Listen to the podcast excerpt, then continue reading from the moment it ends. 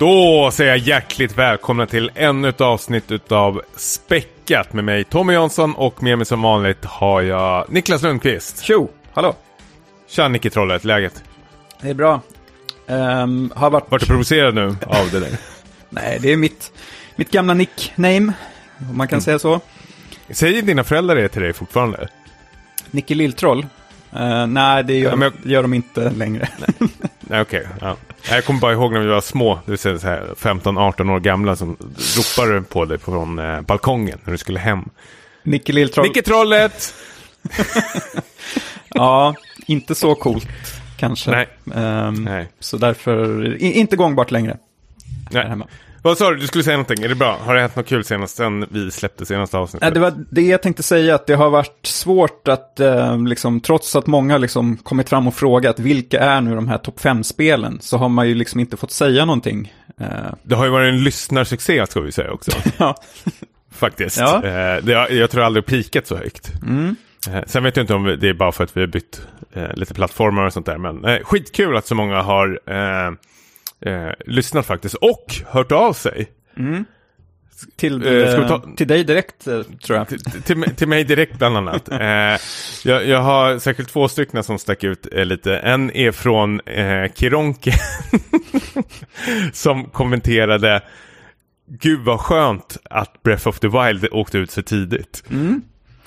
Eh, ja, Ja, men det, det, det håller vi med om. Några, ja, precis. Det, det, det är väl som, det är som Sverige kyrkan lite, men jag tror fler som sitter in, inne på den där ilskan eh, nästan att eh, det, är liksom att ta för givet nästan att det ska vara på eh, topp 10-listan. Eh, sen har vi en till lyssnarkommentar eh, från O. Sarah. Jag vet inte om det är någon eh, blinkning till Sarah O. Kanske? Heter hon så? Eh, Sideways-tjejen. Sandra O. Vad sa du? Vad sa du? Fan, Sarah O. O. Sarah. Ja, Sandra O heter hon. Ja, Sandra O heter hon. Okej, okay, ja, men Kanske. close enough. Mm. Eh, grabbigaste listan. grabbigaste listan jag har hört i hela mitt liv. Wow. Lycka till. Ja. Ja. Det... Kommentarer på det? Det är väl um, naturligt att man uh, blir avundsjuk på en sån här lista. Nej, vad ska jag? Det får man såklart. Är det, är det PubG och Death Stranding som eh, förstörde det kanske? Stack ut? Ja. Ska, ska vi bara ta igenom eh, topp, eh, botten fem eller vad man kallar det för. Eh, plats 6 till 10. Vill du ta dem Niklas, från tionde plats då? Ja, eh, plats 10, The Walking Dead, säsong 1. Plats 9, PubG. Plats 8, Death Stranding. Plats 7, Dark Souls och plats 6, Resident Evil 2 Remake. Väldigt mycket testosteron här. Ja, ja. Det är, det är...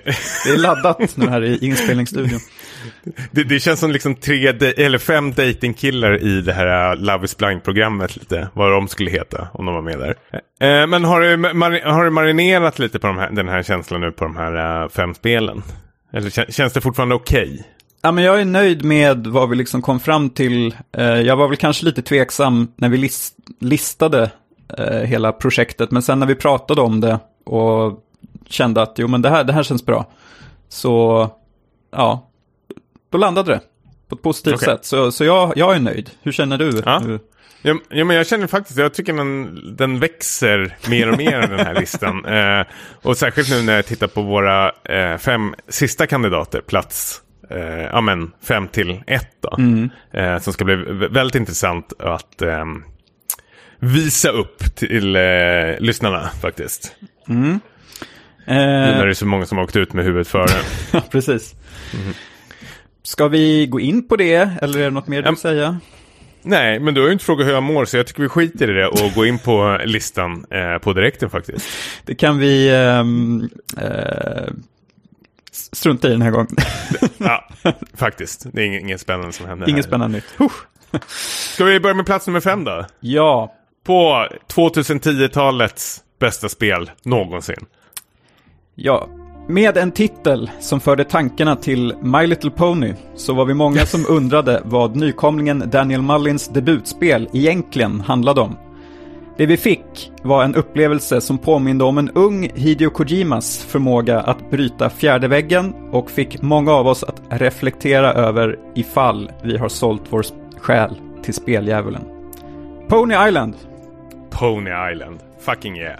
Eh, och det var ju här också vi upptäckte den stora eh, kärleken till Danny Mullins också.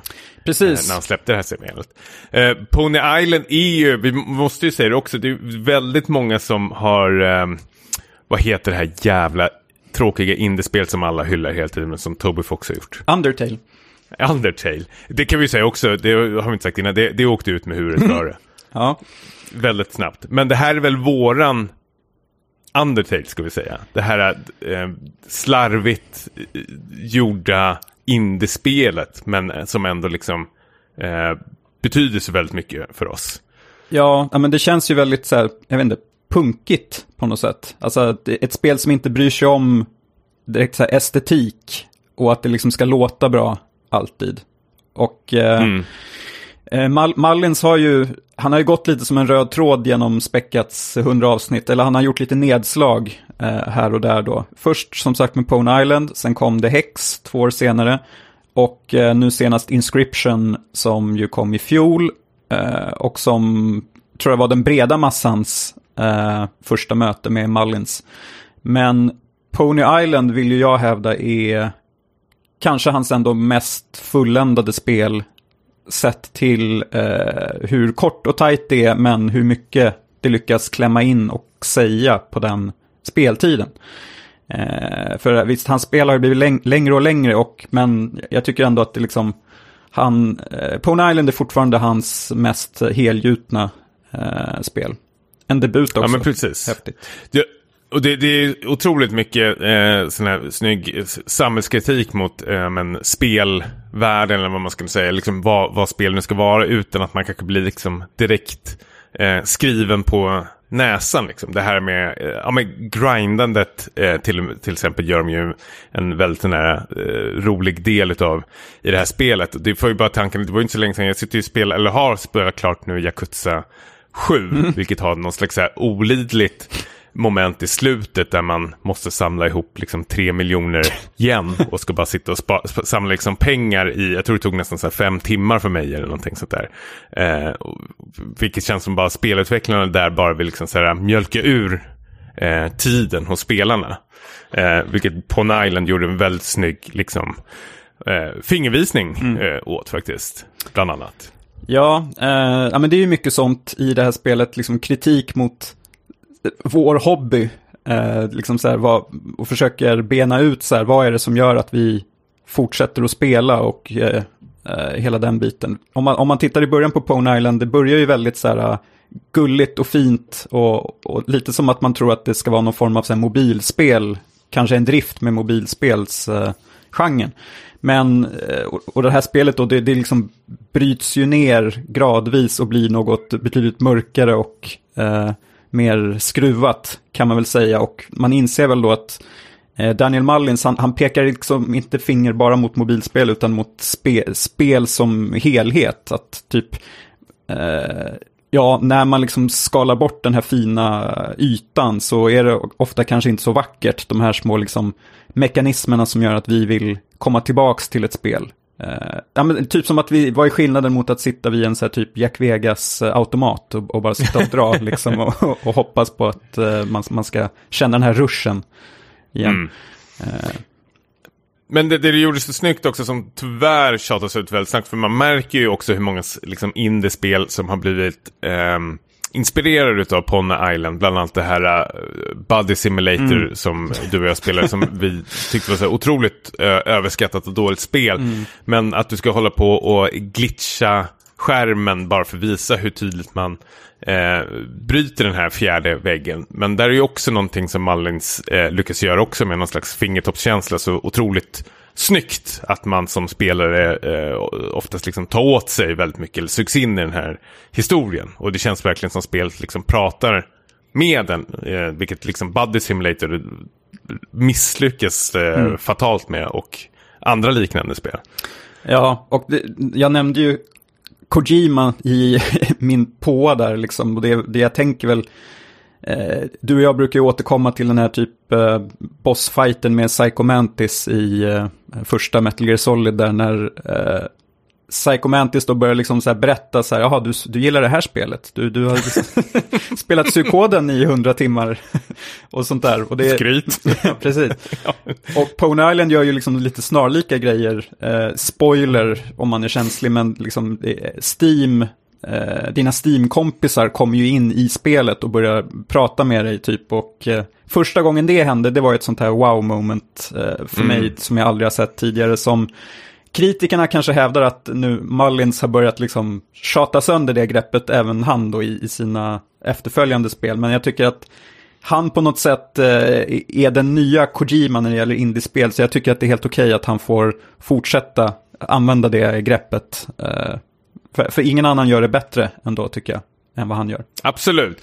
Man får jättegärna använda det, men man måste göra det liksom eh, intressant och spännande och en liksom smula läskigt också. Mm. Och det är där han liksom bemästrade eh, Malins, precis som Kojima gjorde med de tidigare eh, Metal Gear Solids-spelen. Att det känns verkligen som spe spelet liksom pratade eh, direkt mm. med den. Eh, och det, det är svinsvårt, eh, tror jag faktiskt, som eh, spelskapare att eh, lyckas med. Eh, nå ut liksom, till spelaren eh, och få det kännas att, återigen, liksom, att spel pratar med en.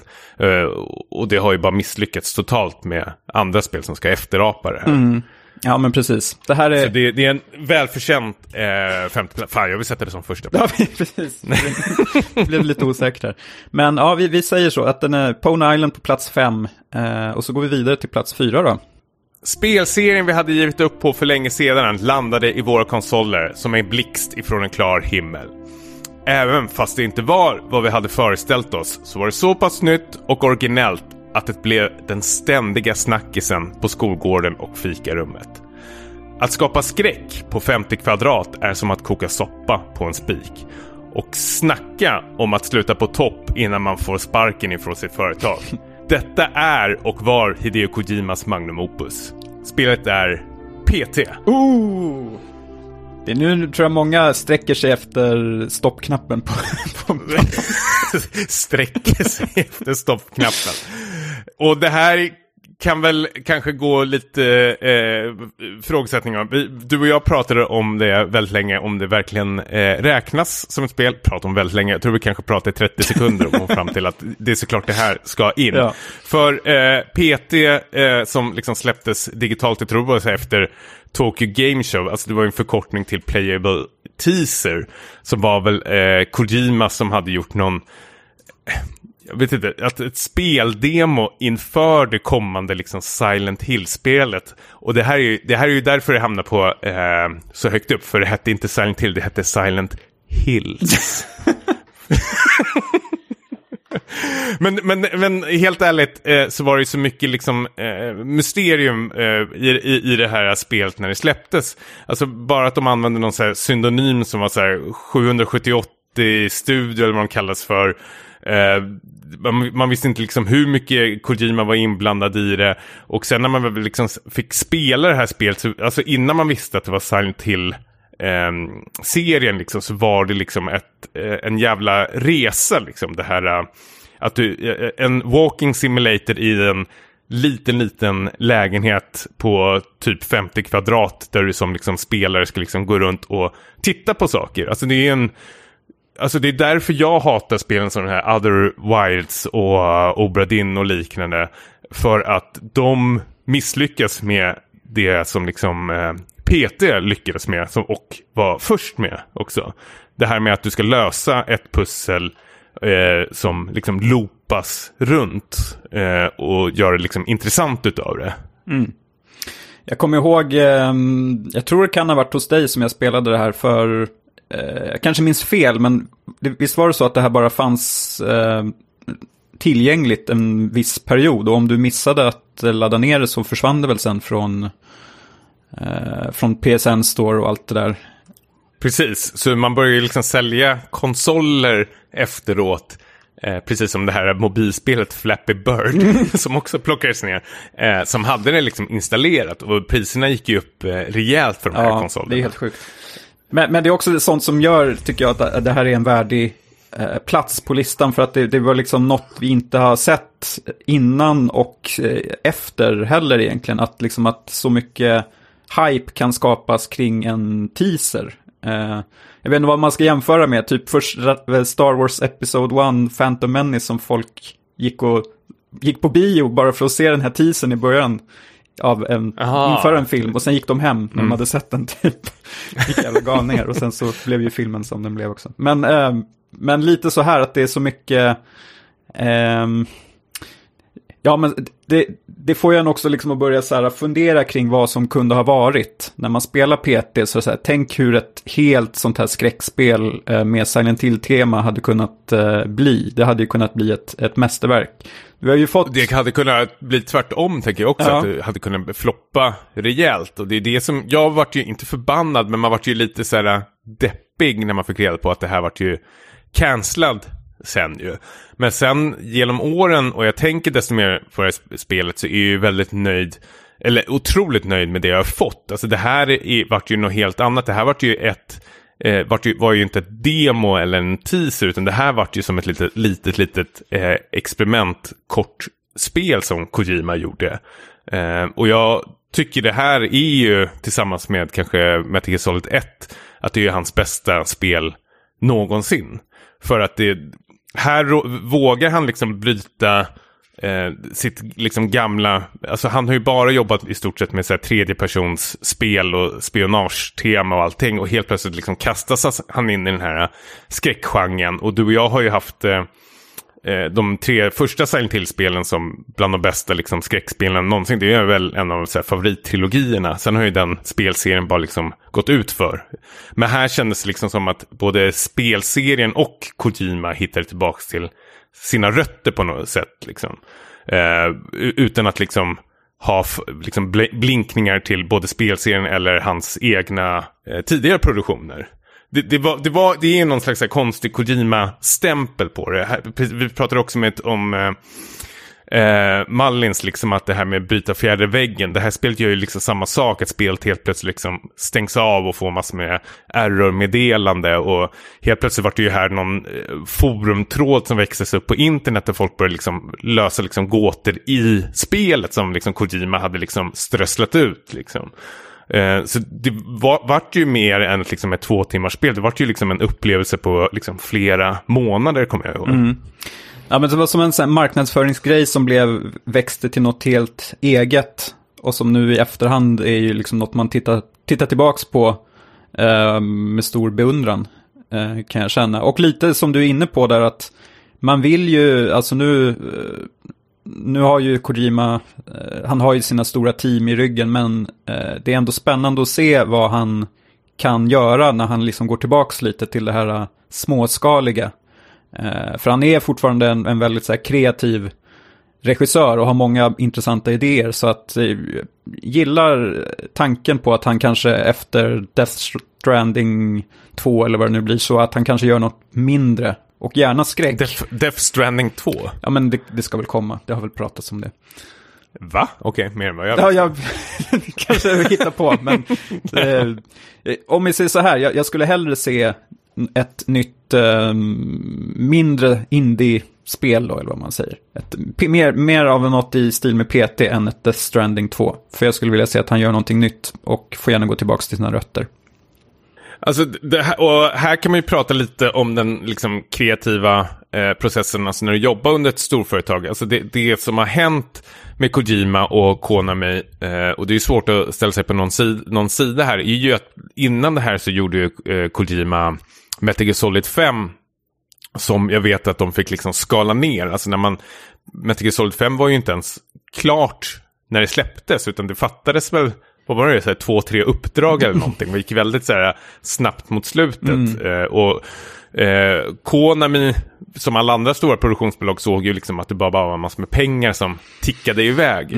Och ville bara liksom, nu måste vi bara få ut det här spelet och eh, tjäna pengar på det på det vi har förlorat. Och detsamma gäller väl lite med liksom PT, tror jag också att Ko- Konami vart kanske lite för rädda att det är liksom för nischat spel. Att det här kommer ju inte sälja och det här kommer ju kosta eh, skjortan.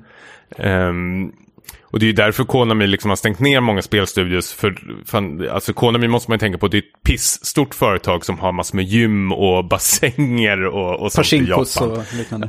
Precis, så, som de verkligen tjänar pengar Mm. på.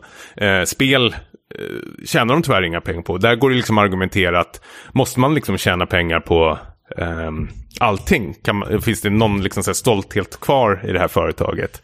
Eh, nu när liksom Kojima har lämnat.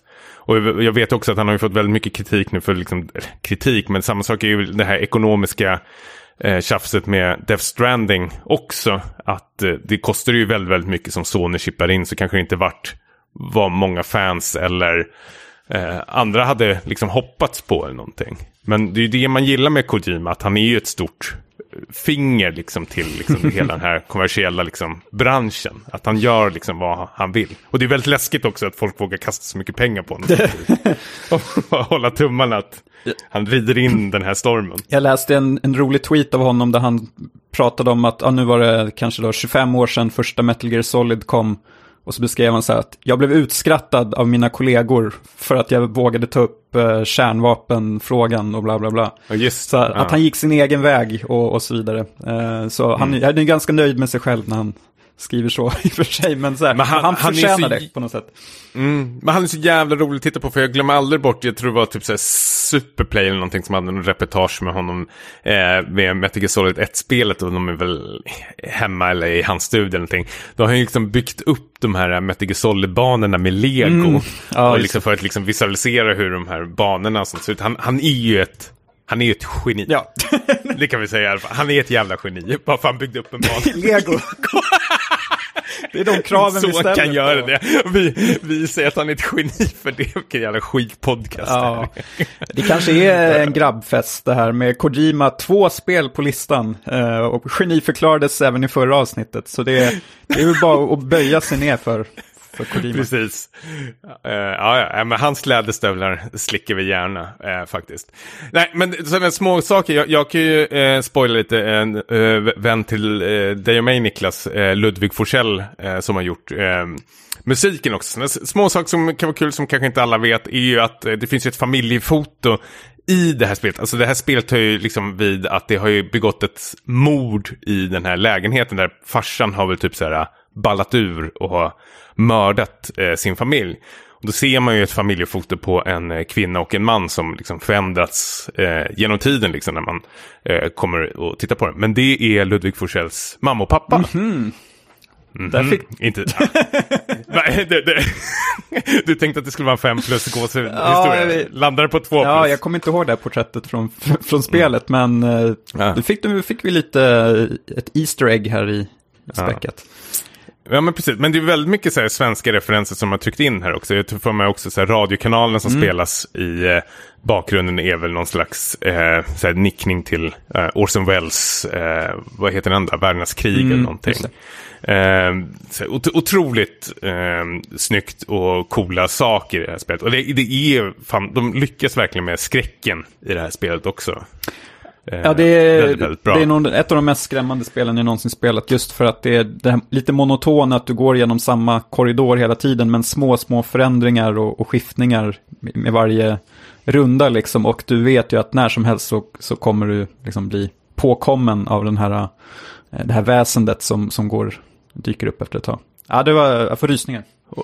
Ja, och sen var det ju bara en tidsfråga innan alla de här spin-off-spelen, alltså liknande spelen skulle komma ut. Liksom sådana här uh, The Park, Layers Mm. of Fear, Visage, you name it liksom. Eh, och de var ju absolut inte ens i närheten i samma liksom, nivå som eh, PT Nej. är. Så det är väl värt en plats på listan. På Absolut, fyra. fem plus. Ja, I agree. Då är det dags för plats tre. Och det är du också Tommy. Och det är jag igen. Plats nummer tre. Både du och jag, Niklas, hade givit upp JRPG-genren sedan Final Fantasy 9. Helt plötsligt var det en genre med platta protagonister som oftast hade flickor i 13-årsåldern med alldeles för stora pattar. Något att ta åt dig Niklas?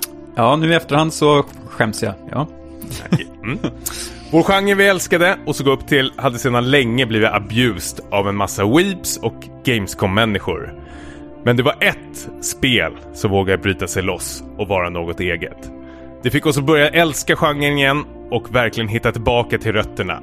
Med sin enastående musik, design och berättande så visade spelstudion Atlus att det finns absolut mer att hämta här. Och det är såklart vi pratar om Persona 5. Oh! Vart ska vi börja här egentligen? Jag tycker nästan, får jag bara börja med en snabb sak som jag alltid, det, det jag tycker nästan roligast med Persona 5 när jag tänker på det, är att du Niklas spelade igenom det och ja, spelade igenom det, klarade hela spelet. Du är ju nästan har blivit ökänd i vårt kompisgäng att max orkar med två timmar av ett JRPG. Eh, ja, men det kan jag ju svara på på en gång. att eh, du, du fick ju med allt där egentligen i påan, så här att man, man har ju gett upp på den här JRPG-genren. Eh, jag, jag, brukar säga, jag brukar säga, men typ att det känns som den, den har liksom fastnat lite i tiden medan man själv har växt upp. Eh, och eh, här kom då ett eh, nytt spel, eller från en, från en väldigt liksom, eh, känd spelserie eh, och hyllad. Och ehm, visst, om man ska liksom eh, bryta ner det så är det väl egentligen ett liksom så här, man skulle kunna byta ut vissa komponenter, att, så att det blir som ett, ett JRPG med, med fantasy-tema, med, med eh, liksom, vad säger man, lairs och sånt som du ska liksom utforska och hitta skatter och sånt. Men sen har du ju allt det här andra med eh, ett väldigt levande Tokyo, eh, med eh, det, det, roligaste av allt nästan det här liksom tids tidsaspekten, att liksom maxa dagen. att att liksom besöka de här olika stadsdelarna, kanske hinna dejta lite, jobba lite för att få in cashen och sen eventuellt ta ner den här volleybolltränaren som eh, är abusive mot eleverna. Eh, och Väldigt lik dig måste jag säga. Nej, det slutar nu. Han, han är fruktansvärd, men han är ändå liksom så här uh, karismatisk, vilket är liksom, det är väl det som är det hemska, det är väl därför han kommer undan med alla de här uh, precis som dig. Ja, karismatisk for sure. Men det känns lite som att det var någon sån metoo-grej där innan metoo med den här volleybolltränaren. Ja, nu, nu ska vi inte ge till Persona att de var före sin tid. Före sin tid. Men om vi säger, eh, så jag, jag fastnade ju direkt för liksom, kanske framförallt det här liksom Tokyo-aspekten. Och jag har ju eh, besökt Tokyo när du bodde där, hälsat på ett par gånger och tyckte att de liksom fick med eh, väldigt så här, detaljrikt i beskrivningen av typ den maten och de, liksom, alla de här eh, liksom läskautomaterna och sånt som verkligen kändes som att... Eh, de fick med läskautomater. Plats nummer tre på decenniets bästa spel. Läskautomaterna lyfte upp. men jag gillar det. Ja. Jag, gillar det. Nej, men jag, jag tyckte det var uh, underbart och um, gillar verkligen det här uh, gänget också. Karaktärerna som du umgicks med. Uh, så det... När både Tokyo eller menar du Persona? Uh, Persona 5, uh, om vi ska okay, vara helt tydligt. Ja. Men om vi säger så här då, Nej, du, det... du, hade ju spelat uh, flera av de tidigare spelen. Vad var dina liksom, förväntningar på Persona 5? Vad, vad det liksom skulle kunna bygga vidare på? Nej men precis, alltså, jag älskade Persona 3 och 4 så jag hade ju liksom skyhöga förväntningar på eh, Persona 5. Jag tror att man kan lyssna tillbaks flera avsnitt och höra hur jag liksom peppar inför det här spelet. det var nästan så här orimligt höga förväntningar, sådana där förväntningar man har när man liksom kommer, liksom, när ens drömmar krossas sen. Eh, men det sjuka var att det var ju liksom över ens egna förväntningar. Alltså Persona 5 har ju en helt egen stil. Alltså det känns så här skönt uppkäftigt eh, på, på ett sätt som eh, många andra liksom JRPG eh, spel liksom inte har eller lyckats med och att du lyckas få, få det här jävla kompisgänget att känna liksom genuina och att du liksom är en del av eh, gänget. Men det är liksom mest, alltså Persona 5 för mig är ju ett bevis att när du har tre eh, nyckelpersoner. Du har Katsura Hashino som är regissören. Sen har du Shinji Yamamoto som eh, manusförfattare. Och sen har du ju kompositören Shoji Meguro. Mm. Och de tre har ju samarbetat med varandra i de tidigare spelen. Och man märker här den här, uh, vad ska man säga, uh, ja, men symbiosen, alltså att liksom när de tre sätter sig vid ett bord så liksom så skapas det liksom magi. Mm. Alltså, storyn är så otroligt bra skriven och liksom då har ju någon liksom plockat fram en penna och gjort någon skitsnygg art direction som liksom passar in till det och någon sitter och eh, med sitt jävla acid jazz eh, program och gör skitbra musik som passar in i det. Alltså de, här, här är ett tydligt exempel på när de verkligen har suttit och så här, pratat med varandra och liksom hur alla de här liksom, tre viktiga komponenterna liksom ska eh, gifta sig eh, tillsammans. Uh, och det är något man ser väldigt sällan. För of oftast är det liksom att en musiker så beställer man musik utav, jag vet, Christopher Nolan brukar väl gå till Hans Zimmer och bara kasta ett manus i ansiktet eller typ säga en mening och så ska Hans Zimmer sitta och svettas i någon lägenhet och få ihop mm. något. Uh, och han har ju lyckats förstås väldigt bra. Men uh, jag tycker så här, äh, 98% av all spelmusik är, är antagligen pissdålig eller så liksom känner man inte av någonting. Alltså det bara finns där för att liksom fylla ut eh, nästan. Men här är det ju liksom att man går runt och nynnar på melodierna liksom och liksom allting liksom associeras till karaktärer eller händelser i spelet liksom. Och det här, när kom det här ut? Det är liksom fyra, fem, sex år sedan eller någonting. Ja, det? ja det ja. stämmer nog. Ja, och eh, man har ju liksom fortfarande liksom sån här kärt minne liksom ifrån det spelet när man satt spelare som man hade liksom med eh, Final Fantasy 6 till exempel. Att liksom det sitter kvar i en. Allting. Jag tänkte flika in och säga där, när, när du nämner de här tre, tre nyckelpersonerna som liksom jobbade, jobbar ihop och då händer något särskilt. Då, då kommer jag att tänka... Ska, ska du nämna Kodo och Uematsu och gänget? Ja.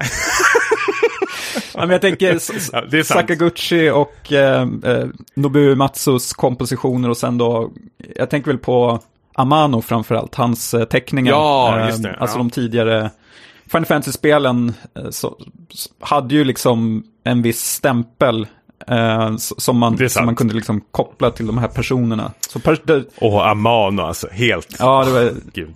otroligt.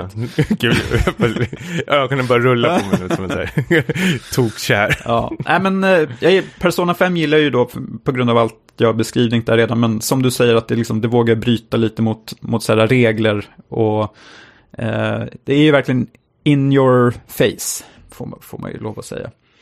Ja, men fan, helt ärligt, alltså, alltså tidigare JRPG, jag tänkte så att du och jag har ju tittat lite på de här Tales of-spelen bland annat och vi har ju liksom, vi har ju bara kräkts med ögonen mm. för hur liksom platt och tråkigt det är. Sen vet jag att vi köpte nu kommer jag inte ihåg, Xenoblade 2 eller vad det var till mm. dig. och, och, jag vet inte hur länge du pallade med det, men det var väl kanske två timmar eller någonting. Ja. Och där är det ju liksom att du ska ha, alltid ska vara in de här jävla sidekickserna som mm. eh, ska hålla på att ta över och vara så här shows. Och här har du ju en sidekick också i det här spelet, eh, Morgana, och det funkar hur bra som helst utan att liksom hen blir för mycket. Mm. Precis, och... Eh, jag vill minnas att det var en, en del sköna så här, twists i det här spelet också mm. som liksom påminner en om typ varför man gillade ja, men Final Fantasy 7 kanske. Liksom att det vågade hända lite. De vågade ta, sig, ta ut svängarna ganska mycket med, med själva storyn och vart den var på väg. Sen slutar det ju med en sån här stor episk eh, JRPG-bossstrid men de har ändå gjort det liksom eh, på sitt sätt. Får man lov att säga. Uh, är inte sista bossen typ så här... Uh eh, gud eller någonting. Ja.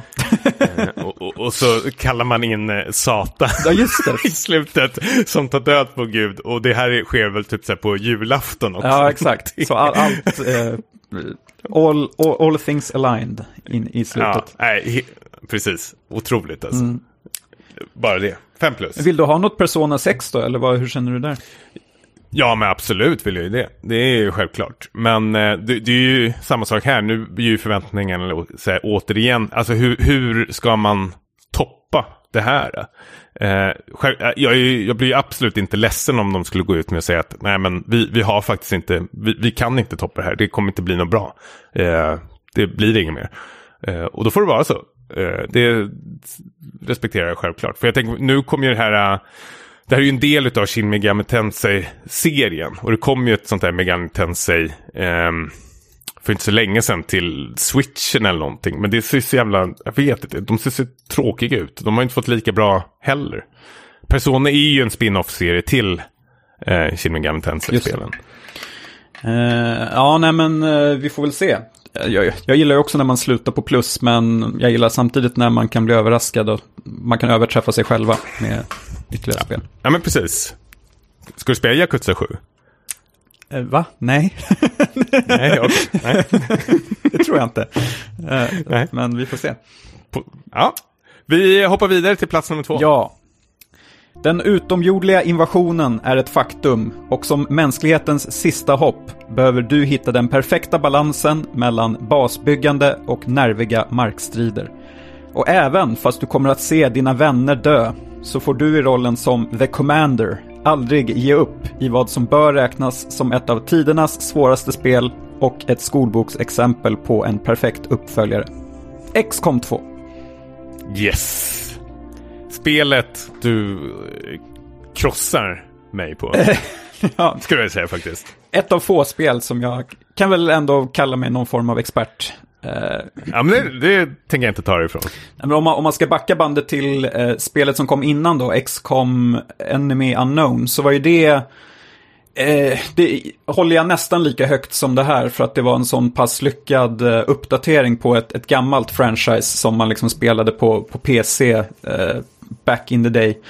Ehm, men här liksom uppdaterade man formen eh, och i XCOM 2 då har man liksom eh, ja, men överträffat sig själva på, på alla punkter och gjort det ännu svårare och ännu mer liksom roligare att eh, bli kompis med de här soldaterna som du tar med dig ut i strid. Eh, ännu mer grejer att bygga. Eh, och sen om man då ska liksom ytterligare eh, pusha för det här så kom det ju en helt lysande expansion i form av eh, The War of the Chosen. Där det kommer typ tre stycken eh, specialutomjordingar som eh, trakasserar dig och förföljer dig eh, genom kampanjen. Och gör att spelet får ytterligare ett helt eh, nytt lager. Mm. Som inte jag har vågat spela än. Nej, och eh, det, det är nog inte alla som kan eh, klara det. Fan vad dryg jag låter när jag börjar prata om Nej, det. nej men det är, det är bra. Det är, men det, det, med all rätt, du ska också få sticka ut hakan Ja. lite. Eh, nej, men det, det jag älskar med det här spelet är ju precis som kanske Dark Souls-spelen. att det, XCOM handlar inte att man ska liksom klara spelet, utan det handlar väl mer liksom att se hur långt man kommer. Eh, för det här är ju ett spel eh, som, är, som har som bemästrar en sak som är så otroligt eh, svårt hos många andra spel, att det är kul att eh, börja om från början. Att liksom starta om spelet och köra en helt ny clean slate. Att liksom, nej, det här gick piss efter tio timmar, jag börjar om från noll igen. Och det, det brukar jag nästan aldrig göra med ett spel, men jag vet inte hur många gånger jag har gjort det med eh, XCOM 2 och liksom börja helt från början. Och sen att du har de här soldaterna och döper efter dina närmaste vänner och familj och husdjur och allting. Så blir det något slags obehagligt emotionellt eh, band när man skickar ut dem. Och eh, sen är det väl kanske inte alla som klarar sig så har man någon slags här virtuell kyrkogård i sin Ja, bas. Det Ehm. påminner mig om typ den här äh, gamla Friday the 13th Nintendo 8-bitars-spelet där Game Over-skärmen är You det. and your friends are dead. det det, in, det inträffar ju i XCOM 2 med, med jämna mellanrum. Och jag, jag, jag känner Mm. igen mig i det här för jag, jag började också om ehm, första gången. Jag typ vaskade tio timmar då och liksom körde om från början. Men det kändes inte som bortkastad tid utan jag kände att nu är jag en mycket mer trygg spelare i det här och nu, ska det, nu börjar spelet på riktigt. Nu när jag fattar mer liksom hur jag ska ta mig igenom. Ja men precis. Man tar ju med sig lite erfarenhetspoäng, eh, alltså personligt och tänker Mm. mer. Eh, ingenting man för över. Men sen är ju det här uh, Fog of War-grejen som... Eh, jag vet jag, jag tycker inte att strategispel är så jätteroliga. Det är väl inte min starkaste genre. Men här gör de det så otroligt eh, spännande faktiskt. Att man är, är ju på jag vet man sitter som på nålar hela tiden när man ska liksom här, flanka runt en eh, byggnad och man vet inte vad som komma skall. Liksom. Eh, och blir helt liksom, överrumplad av fiender. Och jag tycker ändå, det, det finns en någon charm i att man har 90% chans att träffa en fiende från två meters avstånd och missa totalt och skjuter någon snubbe bakom en eller någonting. Nej, men det, det, det är typ så här ett spel, XCOM 2, som, det, där jag fortfarande minns eh, sista bossstriden som något av typ det svåraste jag gjort i ett spel. Eh, och att trots att jag var liksom så liksom levlad man kan vara och hade de allra bästa vapnen och sånt så var det liksom kniven på strupen hela striden. Och att jag klarade det i slutändan, det är sånt här som jag kommer att berätta i tills jag blir gammal. För barnbarnen. barnbarnen. så här, typ att jag, XCOM 2-slutstriden, det var någonting. Um, så får vi se vad som kommer um, mer. Alltså, uh, Marvel-spelet. Ja, Marvel-spelet kommer. Fi och det, Fire Access. Precis. Uh, och då får vi se vad det blir. Um, på något sätt så vill jag ju gärna se ett XCOM 3. Uh, men samtidigt som vi, vi har pratat om de andra spelen, så här, hur ska man förbättra det här? Det känns ju omöjligt, men det är klart det går på något, på något sätt. Ja, ja men absolut. Eller bara så här, fortsätta mer. Men, men liksom, det är som du säger, XCOM 2 finslipade allting som den här serien har haft i liksom två decennier. Liksom. Och det är svårt att se det liksom bli bättre, om man tar bort lite från så här buggar och sånt där så går det såklart att bli bättre på det sättet. Men i stort sett så är det liksom ett fulländat spel. Jag vet bara att den här eh, XCOM-skaparen eh, försökte ju haka på sen efteråt och göra sitt eget spel som heter så här, Phoenix Point, tror jag heter va? Eh, som en eh, vän till oss eh, köpte bara för någon vecka sedan. Eh, och som också är ett så här, stort XCOM-fan men har väntat lite med Phoenix Point för att det hade väl så här, massor med problem eh, i början. Men nu har det ju funnits i nästan två år och han säger att det är långt ifrån eh, lika genialiskt som XCOM 2. Han orkade bara med två mm. timmar, sen var han tvungen att stänga av det. Eh, för att det föll väldigt mycket på, många andra strategispel gör det också, att det, det, det är för krångligt på vissa ställen och det är för pyssligt. Eh, och man vet inte riktigt vad man ska uppgradera och varför. Men XCOM 2 är väldigt, väldigt tydligt tycker jag i många av de delarna faktiskt. Mm. Eh, basbyggandet och etc. Ja men det hittar ju den där balansen eh, att göra det liksom tillgängligt men, men djupt också på ett sätt. Och jag liksom XCOM är ju exemplet som jag brukar lyfta fram när det är så att jag säger att jag gillar strategispel. Men eh, om liksom sanningen ska fram så är det ju inte många andra strategispel som jag har fastnat för. Som jag har gjort med det här. För att de, det är lite som du säger, de är lite för invecklade och man har inte tålamodet att sätta sig in i det och titta igenom massa tutorials och, och allt all sånt där. Så eh, det, är, det är liksom svårare än man tror tror jag att få till den här balansen. Mm. Och det var plats två, XCOM 2. Vi har bara ett kvar. Med inspiration från framförallt David Lynch och filmen Drive så skapade denna svenska duo något helt eget med ett top-down perspektiv och en jävla massa ultravåld. Färgsprakande och synt-waviga actionscener följdes av tysta och eftertänksamma promenader genom det blodbad som vi själva ställt till med. Och spelet är förstås Hotline Miami 1 och 2. Ja! Ja! ja, vi... Är det lite fusk att ta med både Hotline Miami 1 och 2? Nej, jag tycker inte det, för att jag tycker de känns så tätt eh, sammantvinade de här spelen. Det är ju samma, ja, samma, samma team framförallt som har gjort det, Denaton då, eh, med de två svenskarna. Eh, och eh, samma karaktärer som återkommer eh, i, i eh, båda spelen. Ja, ni får söka hjälp om ni har något emot det här. Men vad, det här är ju ett Eh, jag har så otroligt mycket eh, att säga om det här spelet. Eh, för det första är det väl att eh, man, det här kommer ju också från ingenstans eh, egentligen. Mm. Och när det väl kom så var man väl helt eh, fast i det. Eh, både liksom emotionellt och eh, eh, ja, vad ska man säga, liksom, alltså musiken i det här spelet är ju liksom, jag, jag vet ju att jag fortfarande idag sitter och tar fram den här playlisten på Spotify från Hotline Miami 1 och 2 och lyssnar på det. Och Hotline Miami, alltså om vi ska bara prata, om börja prata om musiken så är det ju, här har du ju en eh, music supervisor, alltså någon som har liksom tagit fram musiken med en sån här otroligt jävla fingertoppskänsla. Alltså du har ju Carpet and Blunt, du har Moon eh, och massor med andra liksom eh, liknande liksom techno elektronisk trance, alltså väldigt mycket så här konstig jävla musik eh, som man, man, märker har gjort verkligen så ett avstamp eh, efter att liksom Hot My, Hotline Miami-spelen släpptes. Att det är flera stycken som har börjat släppa liknande eh, musik faktiskt. Och här är ju, jag har ju alltid tjatat om att eh, kompositörer, musikkompositörer är ju rätt så kassa eh, i, i tv-spelsbranschen. Att, det, att de, de lämnar inte så jävla mycket avtryck efter sig. Och saknar, jag saknar väldigt mycket att man använder liksom autentisk, riktig liksom, musik från eh, antagligen artister eller band eller något liknande. Mm. Och det är det de gör här i Hotline eh, Miami-spelet. Och det, det är, jag tycker det är en sån otroligt stor del i Hotline Miami-spelen eh, faktiskt. Ja, alltså det, hade ju, det är ju ett pixligt spel med mycket så här liksom pixelblod och sånt. Och den krocken med de här tunga synthwave-låtarna gör ju något speciellt. Jag hade ju inte velat ha någon, någon sån här chip-tune-musik. Eh,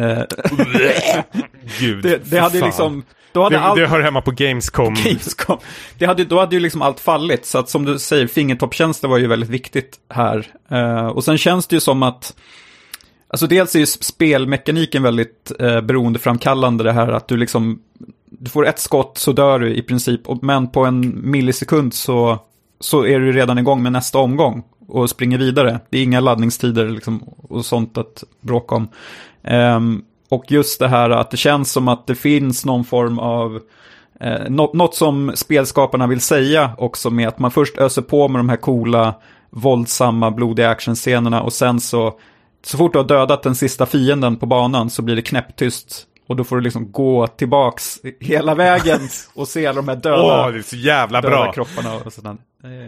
Men det, det är en sån jävla sjuk känsla det, det där för att liksom, för att liksom ha en puls på liksom 190 mm. liksom när du kör igenom eh, den här banan. Och precis som du säger, när man har tagit koll på sista eh, fienden så liksom dör musiken och helt plötsligt liksom, det känns som liksom du man vaknar, vaknar till. Liksom. Ja, men det känns som någon liksom drar ur kabeln ur den som är Matrix, mm. liksom, att man liksom vaknar upp mm. ifrån den här uh, idyllen, sen bara ser man liksom vad man gjort. Det är ju ett jävla så här, massmord liksom man har uh, åstadkommit. Uh, och alltså, det, det spel eh, oftast misslyckas med är eh, att, eh, och det som jag ser väldigt mycket på vår lista här, eh, varför många av de spel hamnar så högt, är att det ska vara kul att dö. Det ska vara kul att eh, förlora.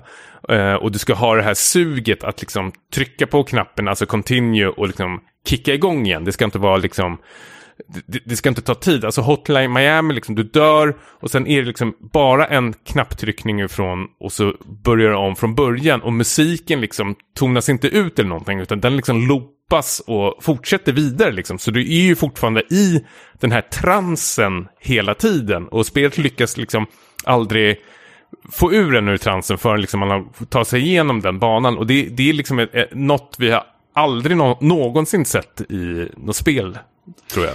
Nej, men precis. Det var helt nyskapande. Alltså, vi, vi nämnde ju influenserna då förstås, men eh, om vi ska gå tillbaka till filmen Drive, som jag vet att du och jag älskade när den kom, men kanske nu i efterhand så är den kanske inte lika så här starkt, eh, för att man, man har väl sett... Från 5 plus till 3 plus film. ja, men dan dansken har ju gjort an andra tveksamma grejer som har gjort att den kanske liksom har fallit ner lite för min del. Men man har ju sett så att han har influerats av de här filmerna på 70 och 80-talet och Eh, kanske inte gjort så mycket nytt, men Hotline Miami-gänget, de, de har ju liksom tagit de här influenserna och verkligen gjort något eget. Eh, något banbrytande skulle jag liksom vilja hävda. Att det är ett så här kultspel som man skulle kunna ställa ut på museum. Eh, Absolut, det här är ju tv-spelens Pulp Fiction. Ja, ja, men det är väl bra. Uh... Faktiskt, alltså där ultravåldet blir både liksom obekvämt eh, men samtidigt liksom, alltså det, det, det är ju en en, en trainwreck liksom som man eh, måste, måste titta på. Ja, men det är... eh, på positiv bemärkelse. Ja, och du säger också just det här att man, man måste ha två tankar i huvudet där. För man känner ju sig supercool när man liksom dundrar igenom de här banorna med, med musiken så här, och skjuter, skjuter ihjäl folk med en så här shotgun i ansiktet. Och så Eller kasta vapnet. Kasta vapnet, just det. Det, det, det, det gåshud. uh, och sen så som sagt så, så kastas du ur det här då. Uh, och liksom tvingas inse vad du har ställt till med. Um, ja. ja. Men, och, och, och, sen har du så otroliga liksom, stunder i spelet, säkert i Hotline Miami 2 också, när du är, eh, dras tillbaka till det här Vietnamkriget, eh, bland annat när du är i den banan och eh, den musiken spelas, eller liksom när en av huvudprotagonisterna ehm, liksom tar LSD och liksom ena banan blir en jävla sån här LSD-tripp som är så här helt jätteobehaglig liksom. Eh, och sen lyckas de på något snyggt sätt liksom knyta ihop det med eh, andra karaktärers liksom, så här, sidostories eh, på något sätt, helt otroligt sjukt sätt. Ja, det är ju det är så ballt för att allt, det, det, berättas ju inte kronologiskt heller, liksom, vilket känns väldigt nytt i, i, spel. Att det är lösryckta scener där vissa är liksom våldsamma och vissa är kanske bara att du går till pizzerian typ. Och, och, och, och du försöker liksom få det här att passa in någonstans i narrativet. Så här, eh, när händer det här och var händer det här? Eh, och i tvåan ska man säga, då kommer ju liksom som sagt eh, utspelas ju både innan ettan och efter ettan. Så att det verkligen, all, allt det knyts samman. Och det är väl därför vi vill ha båda spelen med på, på topplistan. För att det känns som man måste spela tvåan när man är klar med ettan. Precis. Men och ser, alltså, du och jag hyllar ju väldigt mycket eh, David Lynch mm. eh, som regissör och eh, filmskapare. Men någonting, jag bara slog mig tanken just nu varför jag också älskar det här spelet och, och hur det hanterar så bra, något som är så jävla obehagligt med det. Det är ju ändå så här analoga telefonsamtal. Mm. Alltså att när du som huvudperson får, när din Cobra-telefon eller något liknande ringer och du ska plocka upp och så är det bara någon så här konstig röst mm. som svarar och ger en uppdrag eh, som liksom helt naturligt för den här huvudprotagonisten nästan. Men det, det, det, det sätter någon så här obehaglig magkänsla hos oss spelare som liksom sugs in i den här surrealistiska världen. Alltså jag tänker väldigt mycket på eh, Lost Highway när mm. eh, Bill Pullman får, eh, Bill Pax, nej Bill, Bill Pullman. Pullman eh, får eh, sådana här telefonsamtal av den här kritvita mannen som är på fest med honom som är så otroligt eh, obehaglig scen som väcker tankarna i det här spelet mm. också. Eh, det, gör, det görs för lite eh, spel och filmer där folk svarar i Cobra-telefoner. Faktiskt. Vi vill se mer av. Eh, men, men, men ja, faktiskt, för mobiltelefoner förstör så jävla mycket. Jag håller på att läsa en bok nu med så här, eh, Riley Sagers, en 3 plus thriller eller någonting. Och den utspelar sig i nutid och då, är, då löser de det, det eh, som alla andra böcker gör, att liksom, ah, när vi kommer dålig dit så, till det här, ja, dålig ja. teckning. De, alltid ska de beskriva hur många liksom sådana här bars det finns.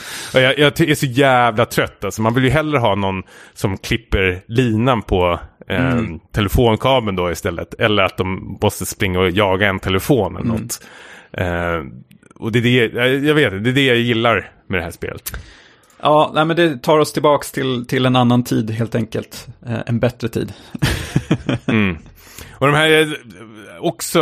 Um, karaktärerna i det här spelet är ju, är ju väldigt mm. otroliga och hur de har liksom eh, skapats. Alltså alla ser ju helt så här obehagligt liksom vanställda mm. ut. Liksom, med tänder och ögon som spretar åt alla håll och kanter. Liksom. Alltså det, det är ju ett det är otroligt fult spel på ett eh, bra ja, sätt. Sätt. Och de här djurmaskerna ja. eh, är ju också så här tidlösa. Det är väl det som för, förknippas ja. med den här typ tuppen och, och den här uh, lejonet eller vad fan det är.